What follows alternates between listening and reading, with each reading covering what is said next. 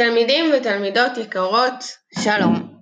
היום בשיעור אנחנו ניחשף לחג הלבן והטעים והחגיגי שאנחנו מציינים כל שנה אה, מספר ימים לאחר חג הפסח. איך אנחנו יודעים זאת? כבר נגלה. אז הנה הפתיח לשיעור לחג אותו אנחנו הולכים ללמוד בשעה הקרובה.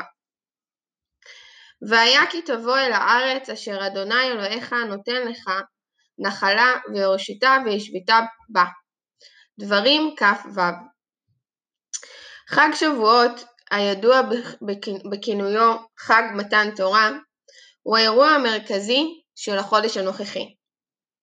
חג השבועות הוא אחד משלושת הרגלים פסח, שבועות וסוכות.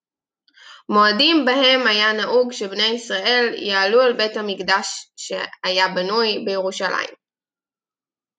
החג שבועות שונה משני הרגלים האחרים בזה שאין לו תאריך קבוע במקרא, והוא תלוי בחג הפסח, כפי שנאמר, וספרתם לכם ממחרת השבת, מיום הביאכם את עומר התנופה, שבע שבתות תמימות תהיינה, עד ממחרת השבת השביעית, תספרו חמישים יום.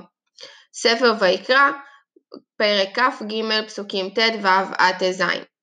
כלומר, מפסח עד שבועות יש את ספירת העומר שלמדנו עליה כשהתעסקנו בחג ל"ג בעומר. ולפי ספירה זו אנו יודעים כל שנה מתי חל, חל חג שבועות וחוגגים את מתן התורה.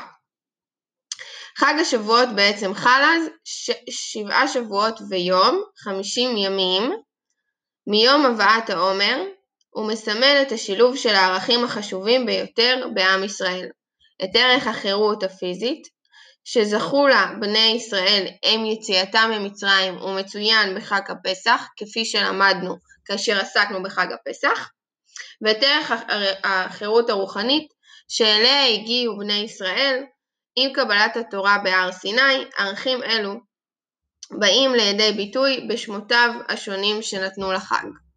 הרחבה על החג נלמד עכשיו יחד בעזרתכם ובליווי שלי. שיהיה לנו שיעור מוצלח.